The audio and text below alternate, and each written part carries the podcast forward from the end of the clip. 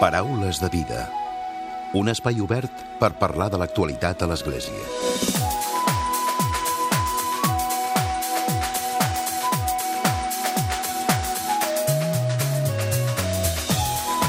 Què tal? Salutacions i molt bon dia, molt bon diumenge. Aquesta passada setmana s'ha fet un congrés internacional per tal de reflexionar des del punt de vista humanístic sobre el que va ser i significar el maig del 68. S'ha fet una lectura 50 anys després per analitzar, entre d'altres, la seva repercussió internacional. La trobada, que ha plegat nombroses personalitats del món acadèmic, tenia per títol Què va ser del 1968? Una lectura 50 anys després i estava organitzat per l'Ateneu Universitari Sant Pacià, la Universitat de Barcelona, amb la col·laboració també del Pontifici Comitè de Ciència Històrica del Vaticà. Les sessions s'han fet a l'aula magna de l'Ateneu Universitari Sant Pacià i també al Paraninf de la Universitat de Barcelona. El Congrés ha tingut tres parts. Una d'elles, la tercera, ha estat centrada en la descripció de les influències més significatives en la vida eclesial, teològica, política, educativa, artística i literària del maig del 68. Avui en parlem de tot plegat i ho fem en conversa amb en Josep Ignasi Saranyana. Ell és professor de la Universitat de Navarra i membre del Pontifici Comitè de la Ciència Històrica del Vaticà i també un dels ponents d'aquest congrés.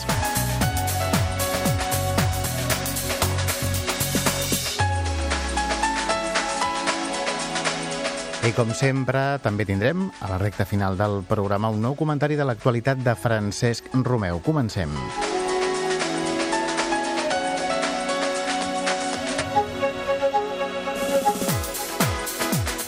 I saludem al pare Saranyana. Molt bon dia i benvingut al Paraules de Vida. Bon dia, bona hora. Un congrés que s'ha fet aquests últims dies, aquesta última setmana, per parlar del maig del 68, que va ser un esdeveniment cultural, social, polític, va ser com una sacsejada, no?, en el seu moment. Ho va ser, va ser una sacsejada.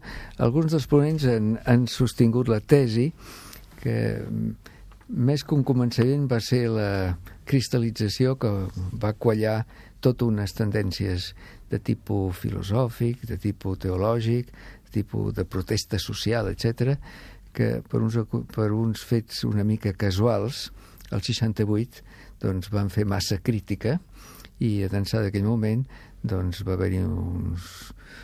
podria ser la, la última gran revolució del cicle revolucionari, però amb unes característiques que la diferencien de les grans revolucions del segle XIX, i és que aquesta va tenir un origen de caràcter burgès i intel·lectual i sobretot universitari, mentre que les altres havien estat promogudes fonamentalment pel proletariat, podríem dir d'alguna manera, i per els estaments més baixos dels, dels exèrcits del francesos o alemanys o russos, del segle XIX i començaments del segle XX. Uh -huh. Per tant, aquí té el component important el de la burgesia, no? Sí. Eh, eh, S'ha dit que és una...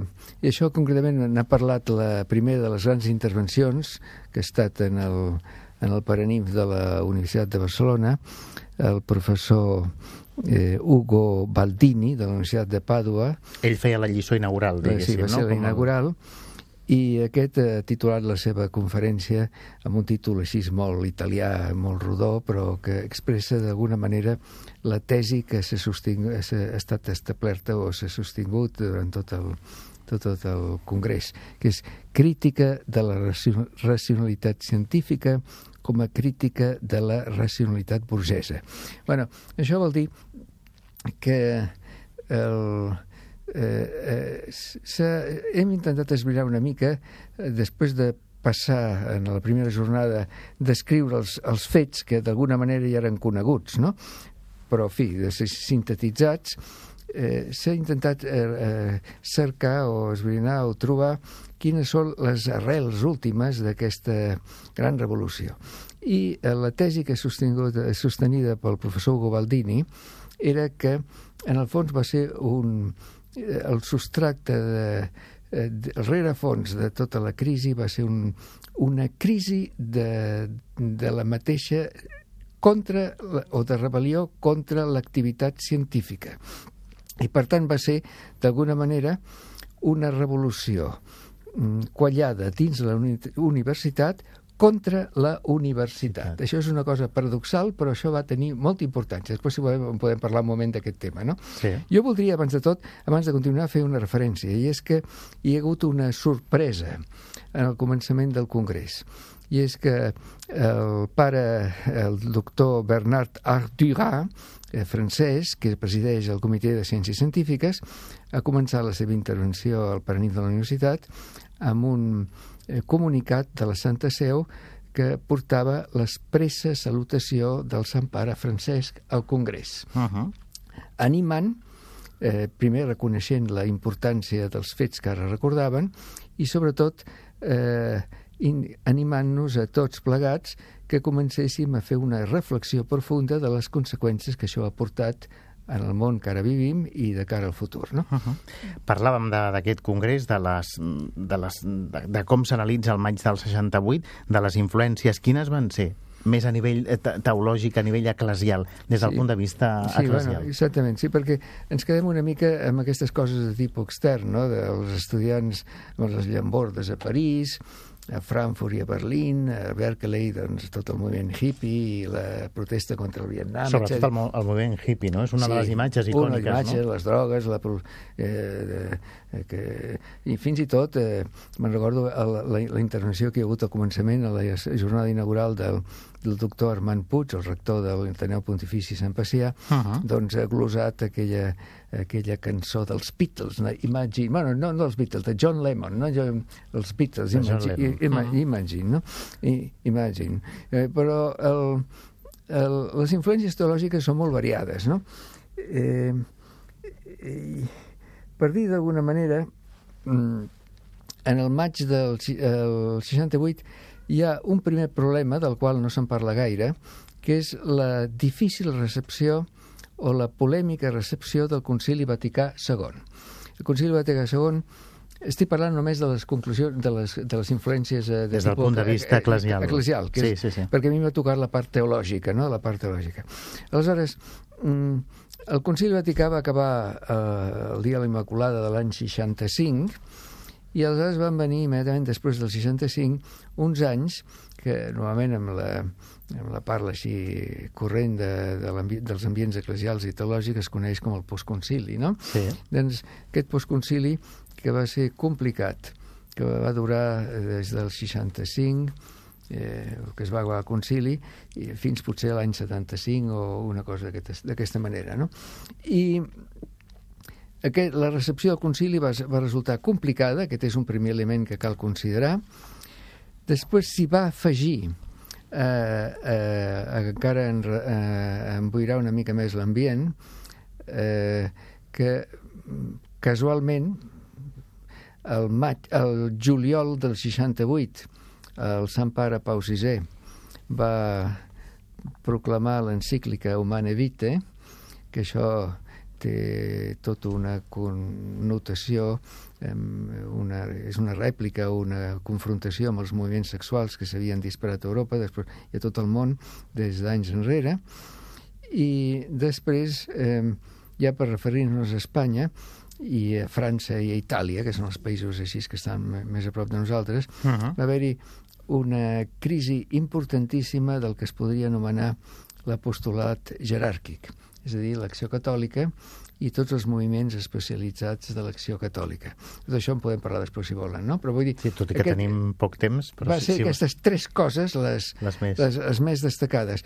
Des del punt de vista teològic en podríem parlar una, una estona molt llarga, no? perquè tot, la meva ponència fonamentalment va a les qüestions teològiques de fons. No? I per sintetitzar-ho de manera ràpida, en 3-4 minuts... Tres o quatre Para minuts, Saranyana. la cosa te- teològica. Bé, doncs a la cosa teològica hi va influir d'una... Eh, tot un, un, la recerca d'una nova funda- d'una funda, fundamentació d'una nova moral. És a dir, mm, els teòlegs, els moralistes europeus, van pensar que, influïts per una sèrie de uns corrents que venien ja del 19 i del 20, del camp filosòfic sobretot, mm, calia eh, estructurar una teologia moral diferent de la que fins De la- de la que hi havia. de la que hi havia abans, no? I eh, eh, recolzant-se amb un, una cosa que ells en van dir el principi de totalitat, pensaven que es podien canviar totes les regles de, de la moral sexual d'ençà de la comercialització de la pil, com es diu, la pil, píldora, de la píldora, la píndola, píndola que, de, contraconceptiva que havia estat, o reguladora de la natalitat, que havia estat autoritzada als Estats Units la seva venda farma, farma, farmacèutica l'any 1960. Uh -huh. Aquest va ser un primer punt. El segon punt va ser una, una, eh, el començament, els primers, les primeres passes del que després seria la teologia de l'alliberament, eh? Amèrica Llatina. Això és un capítol importantíssim. I l'altre punt va ser una gran crisi de la eh, filosòfica que va afectar a la mateixa fonamentació de la teologia com a ciència, no? per dir-ho, sobretot per l'influència... Com sacsejar els fonaments? No, més que sacsejar, el negar-li a la teologia eh, que la raó formés o constituís una part constitutiva del propi, de la pròpia eh, fe revelada, eh, ah. per dir-ho d'alguna manera. És a dir, que es pogués filosofar i, com a conseqüència, fer teologia científica racional respecte a les qüestions que han estat revelades. Eh? Que és una qüestió que sembla que no té importància, però va tenir una importància, eh, una importància tan gran, podria dir ara mateix, que es podria dir que tot el pontificat de Benet XVI, eh, que encara viu, però que ha durat, va ser relativament curt, va estar dedicat a reivindicar o rehabilitar el paper de la raó filosòfica com un moment interior fonamental de la reflexió teològica. Això va ser negat per la primera generació eh, que surt, sorgeix del, del, del, maig. Del, del maig del 68 i que amb prou feines ara ens estem sortint. No? Uh -huh. Aquestes serien, per tant, les conclusions, a grosso modo, més ràpides des del punt de vista eclesial, des del punt de vista teològic, però en aquest congrés també s'ha parlat des del punt de vista de la política, de l'educació, sí. de la literatura... Va, de tot arreu. És a dir, que el, el que passa això seria una qüestió molt llarga perquè cada una de les ponències... El cine, es va, es va començar a fer un cine diferent, eh, la comèdia que acabava sempre amb el happy end doncs va deixar d'existir, eh, van aparèixer tots els antiherois i totes aquestes coses que són conegudes, eh, la música doncs, també va canviar la seva manera de presentar-se. De fet, bona part del moviment del 68 va acompanyat de la música, no? Joan Baez, Baez per exemple, o aquest que acaba d'obtenir ara el Premi Nobel, no? el Bob Dylan. No? Eh? Tots aquests són representants. I la segona temporada o la segona època dels Beatles també forma part del, del 68, no? una música que es fa una música diferent. No? I després el, eh, el, eh, en el món de la eh, hem parlat de la literatura, es comença a fer un tipus de novel·la diferent, sobretot a Amèrica Llatina, perquè cal recordar que el gran boom llatinoamericà comença justament al voltant del 68, no? amb Vargas Llosa, amb en Cortázar i amb en Gabo, com es diu, en Gabriel, Gabriel García, García Márquez. Márquez no? sí, la literatura llatinoamericana, no? Tot això, que és el realisme màgic i totes sí. les coses que se'n diuen, ara amb tanta raó, que han estat molt ben... Eh, comencen a estar estudiades, comencen totes eh, més o menys al voltant del 68 i el 70, el 66 i el 68. Després també ve una mica eh, dintre de, del món eclesial dels els eclesiàstics que decideixen de, eh, abandonar el seu ministeri per dedicar-se directament a la revolució. No? Cal pensar que Camilo Torres, mm. que és el colombià que era un mossèn, un capellà, un homonier, com deien els francesos, dels moviments universitaris de, de Bogotà, va morir en el primer combat eh, l'any 66 amb la guerrilla que ara ha fet la pau amb, amb el govern de, de les FARC, de, de les, FARC, les FARC sí. Uh -huh. eh? no sé si les FARC o, o l'FLN, no recordo, un dels dos moviments, però vaja, en tot cas els moviments aquests de, de Colòmbia, no? Bé, va ser un moment molt... Jo eh, d'alguna manera diria que mm, eh, com eh, Eugeni Tries, aquest que va ser el, el, fil, el filòsof aquest eh, barceloní tan destacat, no? Eugenio es deia, perquè es parlava, sempre escrivia en castellà. El que vaig conèixer era bon amic meu. Eugenio Tries, a les seves memòries, ell es declara d'alguna manera eh, prototip de la generació del 68 i diu que tota la seva vida i tota la seva filosofia va consistir en una deconstrucció per tornar a, constru a construir de zero, no? La vida se la fa un mateix i la té a les seves pròpies mans. Això és Nietzsche, uh -huh. Nietzsche que és un dels filòsofs que més influeix en, el, en aquesta època. Va ser una època molt important, però, de fet, jo penso que encara que en aquell moment mateix Espanya es va concretar amb el règim de la lluita contra Franco, no? Sí. Eh? va ser molt important la influència del marxisme en aquella època també, eh? però un marxisme curiós, perquè era un marxisme antisoviètic. Eh? No és, de fet, és el que es va dir en aquella època el eurocomunisme i el, un dels grans teòrics va ser... Que es distanciava, no?, de, de, del món aquell, no? del món de, de Moscou, perquè, de fet, Moscou va reaccionar i teníem aquí una representant de l'Acadèmia de les Ciències de Moscou, la professora Eugènia Tokareva, que ens ha parlat d'aquest tema, no? Eh, arrel de la de repressió de la, de la revolta de Praga, que va ser el 68, pels, pels carros de combat, els tancs russos, uh -huh. doncs els comunistes de l'Europa Occidental es van distanciar del règim soviètic i va aparèixer aquesta nova forma de comunisme, o de comunisme no, de, de marxisme, de marxisme fonamentalment de caràcter cultural, del qual el representant principal és eh, Antonio Gramsci, no? un, un pensador italià que va morir a les presons de Mussolini, no? Uh -huh. eh, un antifeixista. No?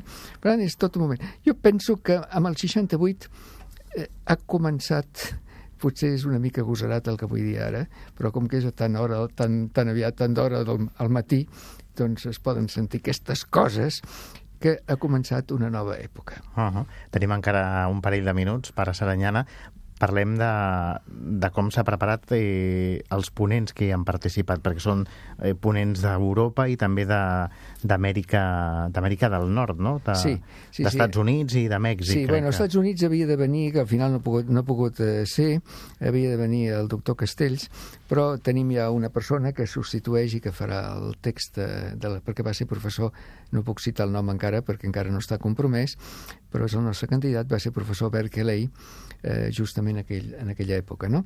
I ha vingut de Mèxic, on va haver-hi la revolta a la plaça de les Tres Cultures, a Tlatelolco, ha vingut la, la professora Marcisque, eh, que és de la Universitat Nacional Autònoma de Mèxic, de Rússia, de Moscou, ha vingut la professora Eugènia Tokareva, que ha parlat de la perplexitat del món rus, que no va estar gens d'acord amb la revolta del 68 perquè era una revolta burgesa contra la pròpia burgesia i dins de la burgesia, no? Mm. O dins, bueno, el que ells consideraven burgesia, no? Després eh, han vingut alguns italians, de la Universitat de Pàdua, el que he citat abans, Ugo Baldini, en fi, de diferents universitats, hi ha uns quants, tres o quatre ponents. També de França, com era lògic, el, el professor Ramoneda, d'aquí de casa nostra, sí. de Barcelona, ha parlat eh, que va suposar el 68, 66, 68 a Barcelona, especialment, a Lyon 2, el professor Sorel ha parlat de la revolta de, a París, i després un testimoni molt important perquè vivia a París en aquella època, a París-Nanterre, que és el professor Jordi Porta, no? de, també d'aquí de Barcelona. No? Uh -huh. I després hi ha doncs, persones ja especialitzades que han parlat de les influències a l'educació, com Anna Pagès, les influències a la filosofia, eh, el doctor Torralba, eh, influències... Francesc Torralba, no? Eh, Francesc Torralba, eh, influències al cine, eh, Pello Sánchez, eh, que substituït... és l'expert en cinema, no? Sí, sí. De sí, sí. I després eh, eh, de literatura, Javier de Navascués, que és de la Universitat de Navarra, etc. En fi, crec que ha estat un, un congrés una mica per eh, començar a pensar, perquè em fa l'efecte que... És la primera vegada que es fa un congrés d'aquest sí, tipus i des del punt de vista sobretot impulsat des de, des de moviments d'església no, no, i instituts... No, no, des de moviments d'església en sentit absolut. És el primer Clar. que s'ha fet a tota Europa. Perquè, per tant, eh, són pioners. Sí, perquè justament van buscar aquestes, aquesta data perquè, per ser els primers, no? encara que és una data no molt bona, perquè ens ha tocat, ens ha tocat amb la setmana dels barbuts, no? que és una setmana que fa molt de fred, no? I hem tingut Però s'ha fet i s'ha fet amb, sí, amb èxit. Sí, gràcies a Déu ha sortit bé, hem tingut el públic que esperàvem, i ara doncs cal continuar. A veure, doncs per a Seranyana no tenim més temps. Gràcies, gràcies i fins a una, una altra oportunitat. Moltes gràcies per invitar-me aquí. Paraules de vida amb Emili Pacheco. I tot seguit arriba el comentari de l'actualitat de Francesc Romeu. Francesc, molt bon dia. Molt bon dia a tothom. Tota aquesta setmana hem tingut el papa Francesc a Xile, on va arribar el passat dilluns 15 de gener a la tarda en una visita apostòlica de quatre dies i que comprenia l'estada a la capital, Santiago de Xile, i la visita a les ciutats de, Ter de Temuco i Iquique. Aquesta ha estat la 22a sortida internacional del papa Francesc i és la segona vegada que un papa viatja a Xile. Anteriorment ja ho havia fet el papa Sant Joan Pau II l'any 1987. Quan el papa va arribar a l'aeroport de Santiago va ser rebut per la presidenta Michelle Bachelet, per l'arcabisbe de Santiago, el cardenal Ricardo Ezzati, i pel president de la Conferència Episcopal Xilena, Santiago Silva Retamales.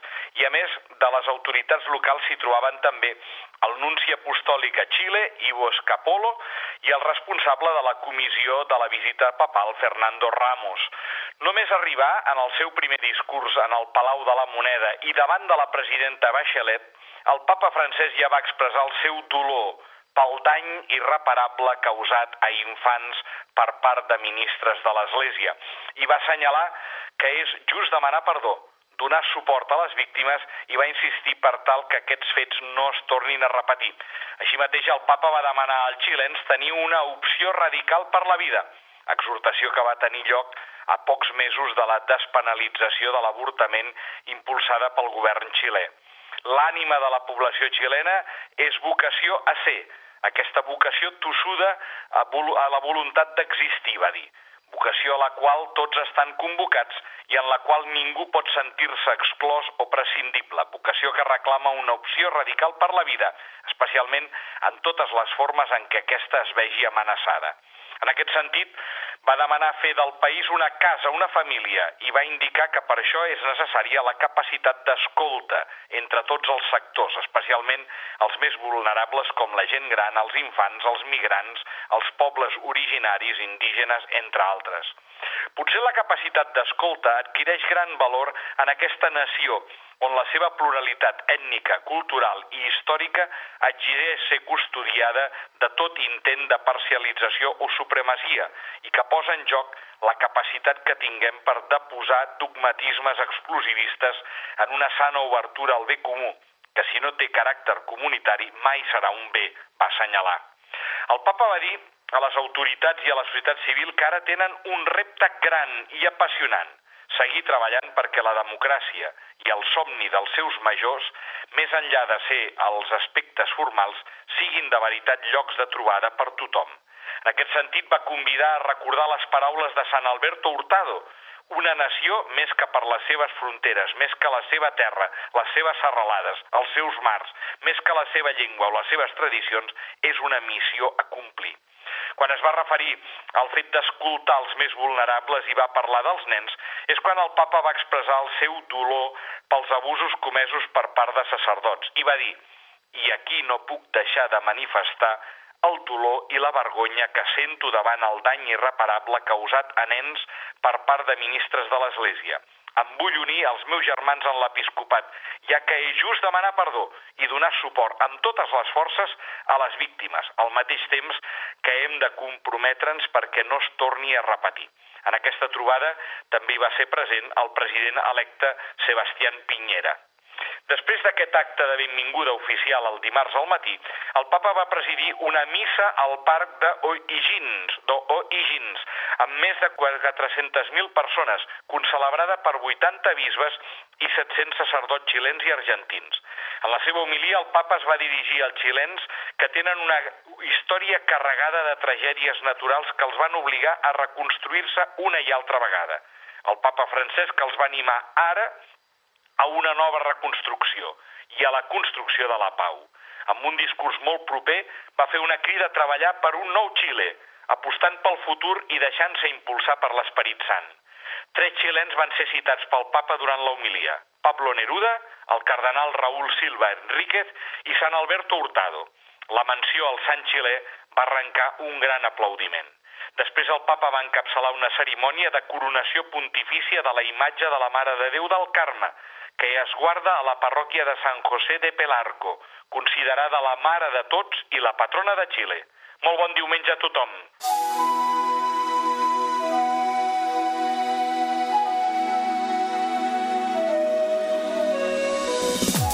Fins aquí el Paraules de Vida d'aquest diumenge. En Lluís Alonso ha estat el control tècnic i qui us ha parlat l'Emili Pacheco. Que passeu bon diumenge i una molt bona setmana. Us oferim la carta dominical de l'arcabisbe de Barcelona, Joan Josep Omella. Déu vos guard. Aquest any celebrem el vuitè centenari de la fundació de l'Ordre de la Mercè a Barcelona, fet que va tenir lloc a la nostra catedral l'any 1218. El proper 29 de gener s'escau la festa de Sant Pere Nolasc, que fou l'ànima d'aquesta obra que va tenir el Bresol a la nostra ciutat. Crec que és un bon moment per recordar qui era aquest sant, pot ser per molts encara desconegut. Pere Nolasc va néixer vers el 1180 en una masia dels afores de Barcelona i es dedicà de ben jove al comerç com els seus pares i els seus avis. Ells, originaris d'Occitània, van venir a Barcelona pels vols del 1150 aprofitant les bones condicions que Ramon Berenguer IV va oferir als qui, des de més enllà dels Pirineus, vinguessin a repoblar la Catalunya nova. Arran dels seus viatges comercials a València, a les Balears i al nord d'Àfrica, va conèixer la dura situació que patien els captius cristians. Aquesta experiència li va fer aflorar la vocació d'ajudar les persones que havien estat arrencades de la seva terra i de les seves famílies. L'any 1203, quan va heretar el patrimoni familiar, va decidir destinar els seus béns per alliberar els captius. Un moment significatiu de la seva història vocacional va ser el viatge que va fer a València, en el qual va dedicar una part significativa de la seva fortuna al rescat de 300 captius.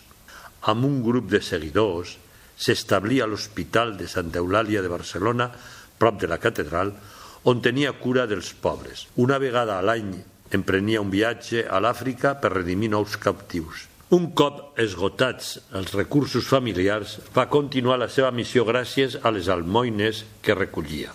Sant Pere Nolasc va pujar a Montserrat, segons els historiadors, ho va fer precisament el 1218, ell que portava en el cor la voluntat de donar la vida per la redempció dels captius, va rebre la confirmació de Déu la nit del l'1 al 2 d'agost de 1218, quan se li va aparèixer la Verge i li va demandar que fundés un ordre que es dediqués a la redempció dels captius sota l'advocació de la Mare de Déu de la Mercè. Uns dies més tard, concretament el dia 10 d'agost de 1218, a la Catedral de Barcelona, juntament amb Ramon de Penyafort, va fundar l'Ordre de la Nostra Senyora de la Mercè amb el consentiment del rei Jaume I.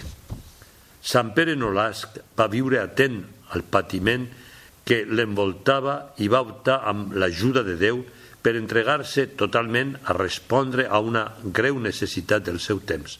I nosaltres sabem detectar i actuar davant les necessitats més urgents del nostre món. Després de 800 anys, la família de l'Ordre de la Mercè manté viu en tot el món el seu carisma de treballar per l'alliberament de les persones que encara avui estan sotmeses a situacions d'esclavatge i de manca de llibertat.